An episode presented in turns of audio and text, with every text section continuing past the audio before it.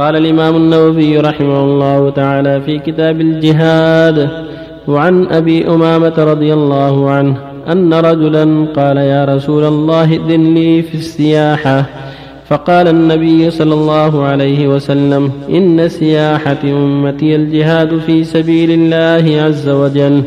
رواه أبو داود بإسناد جيد. وعن عبد الله بن عمرو بن العاص رضي الله عنهما عن النبي صلى الله عليه وسلم قال قفلة كغزوة. رواه أبو داود بإسناد جيد. وعن السائب بن يزيد رضي الله عنه قال لما قدم النبي صلى الله عليه وسلم من غزوة تبوك تلقاه الناس فتلقيته مع الصبيان على ثنية الوداع. رواه أبو داود بإسناد صحيح بهذا اللفظ. ورواه البخاري قال ذهبنا نتلقى رسول الله صلى الله عليه وسلم مع الصبيان إلى ثنية الوداع. وعن أبي أمامة رضي الله عنه عن النبي صلى الله عليه وسلم قال من لم يغزو أو يجهز غازيا أو يخلف غازيا في أهله بخير أصابه الله بقارعة قبل يوم القيامة. رواه أبو داود بإسناد صحيح. وبالله التوفيق. الحمد لله وصلى الله وسلم على رسول الله. وعلى آله وصحبه. أما بعد هذه الأحاديث كلها تتعلق بالجهاد. تقدم فضل الجهاد وفيه من الخير العظيم وأن الواجب على أهل الإيمان أن يعدوا له عدته. قال تعالى وأعدوا لهم ما من قوة. قال النبي صلى الله عليه وسلم ألا عند قوة الرمي ألا عند قوة الرمي. قال جل وعلا انفروا خفافا وثقالا وجاهدوا بأموالكم وأنفسكم في سبيل الله. ذلك خير لكم إن كنتم تعلمون. قال سبحانه إن الله اشترى من المؤمنين أنفسهم وأموالهم بأن لهم جنة الآية. فالجهاد فيه نصر الدين وحمايته ونشره بين الناس ودعوة الناس إلى الخير وتحذيرهم من الشر ففيه خير عظيم ولهذا في حديث معاذ رضي الله يقول صلى الله عليه وسلم رأس الأمن الإسلام وعمده الصلاة ودعوة سلامه الجهاد في سبيل الله في هذه الأحاديث ما يشهد لهذا المعنى في الحديث الأول أنه سئل إلى رسول الله إذا لي في السياحة قال السياحة الجهاد سياحة الجهاد في سبيل الله. قال قفلة كغزوة لأن الله يأجرهم على قفولهم كما يأجرهم على غزوهم. فالقفول من الجهاد وما يحصل من التعب هكذا السفر والبدء. فالمؤمن مأجور في توجه إلى العدو وفي قفوله من العدو. وهذا حديث السامي يدل على شرعية استقبال القادمين من الغزو وغيره وأن استقبال المقادمين أمر معروف استبشارا بقدومهم ولا سيما القادمون من الجهاد في سبيل الله.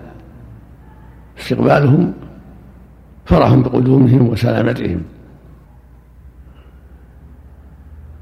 وفي هذا الحديث الأخير دلالة أن ينبغي المؤمن أن يحدث نفسه بالغزو وأن يخلف المجاهدين في أهليهم.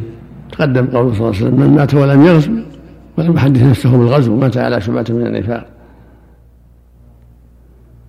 فهكذا الذي لا يغزو ولا يجهز الغزاة ولا يخلفهم في أهلهم بخير وليس عنده نية الجهاد وعلى خطر. والمقصود من هذا كله أن يكون المؤمن على استعداد ورغبة في الجهاد وحرص عليه ونية له إذا تيسر ذلك. نحس إشكال على الحديث الأخير؟ الله هذا الشيء الأخير؟ الأخير. هذا الشيء رواه ابو داود واخرجه ابن ماجه والدارمي قوي نعم. بس. والأول السياحة هذا شيء. السياحة السياحة مفارقة الوطن والجهاد في الأرض وأصله من السيح وهو الماء الجاري منبسطا على لأنه استاذن في الذهاب في الأرض قهرا لنفسه. بمفارقة المعروفات وكثير المباحات واللذات فرد على ذلك لما فيه من ترك الجمعة والجماعة. بس. ما تكلم ما تكلم على الإسناد. تخريج. حديث أبي إمام أحسن الله إليك. قال الألباني وفي إسناد الحديث الوليد بن مسلم. وقد عنعنه. انظر التعليق الرغيب.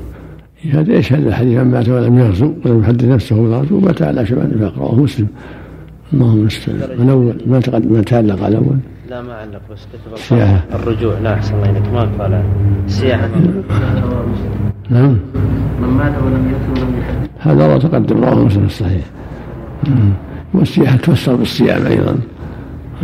مقصود أن المؤمن يكون عنده عناية بوقته حفظا للوقت.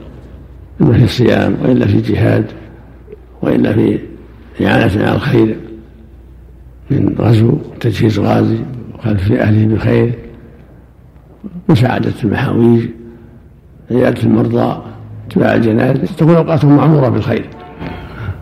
نسأل الله لنا وشرك الله لا إله إلا صحة إسناد أبي إمام حديث أبي إمام. الله لا إله إلا هو الحي القيوم ولا تأخذ سبيلا هو قول المؤلف والوجه مسلم ثقة لكن إذا دلس إذا عن عن يكون مدلس لكن يشهد الحديث المتقدم رواه مسلم. حديث أبي امامه هذه؟ يقول رواه أبو داود وصححه الحاكم وأقره الذهبي وفي أي, أي حديث أي حديث؟ هذا حديث أبي امامه في السياحة. اي إشكال عليه؟ نعم. يقول رواه أبو داود وصححه الحاكم وأقره الذهبي وفي الباب عن سعد بن مسعود الكندي عن ابن المبارك في الحديث. يقول لك تو ساعات كان تقول ما عليه شيء أبو سعد كان تقول ما عليه شيء. ناسي الله أحسن الله إليك. لا بأس. أحسن عليك بعض الناس يعني يسمي السياحة السفر إلى الخارج للتنزه والتمتع. هذا في التفصيل. هذا السير في الأرض. السير في الأرض. أولا يسير فينظروا كيف كان من قبلهم إذا كان السفر لمصلحة شرعية دعوة إلى الله جهاد في سبيل الله تعليم العلم دعوة إلى غير وقوع في المحارم لا بأس. أما إذا كانت السياحة قد تفضي إلى الشر والفساد وإضاعة الدين ما تجوز. لابد من نظر المقصود وقدرته عليه. فإذا كان المقصود دعوة إلى الله تعليم الجاهل ولسان النار عنده علم وعنده بصيرة. يظهر دينه ولا يخشى الفتنة فلا بأس هذا دعوة إلى الله كالجهاد من الجهاد. أما إذا كان لاتباع الشهوات أو في بلاد الكفر هذا خطر عظيم نسأل الله ما يجوز. أحسن الله إليك. ترون نعم. ترون أن لا يسافر إلا من عنده علم. أحسن الله إليك. إيه، بلاد الكفر لا شك. عنده علم وقدرة على إظهار دينه. أحسن الله إليك. من سافر لنزهة لكن عنده قوة. إذا كان إذا كان بين المسلمين لا بأس. في بلاد المسلمين ما يضر هناك ضابط إظهار الدين. ان أن إذا قابل ابن أهل تلك البلاد أن يقول أنتم كفار. إظهار الدين كونه يصلي ويصوم ويدعو إلى الله ويأمر بالمعروف. يعلم الناس الخير. يعلم الناس التوحيد. ويعلم الناس الشرك. ولا يلزم. مو لازم أن يقول أنتم كفار. ولا يلزم ان يكفرهم يدعو إلى الله بس يكفي هذا إظهار الدين. أحسن لك بعض يقول رؤية الآثار كحجة أنهم يحتجون يرون الآثار الإسلامية أو ما يشابه فهل يكون هذا من السياحة؟ إذا كان الإنسان عنده علم عنده بصيرة في بلاد المسلمين أو في بلاد يستطيع فيها إظهار الدين والدعوة إلى الله فلا بأس. لأن مقصود الإعتبار والعظة والذكرى. وهم مراد التفكه. والتلذذ انتقال من محل من يأكل ويشرب ويضحك.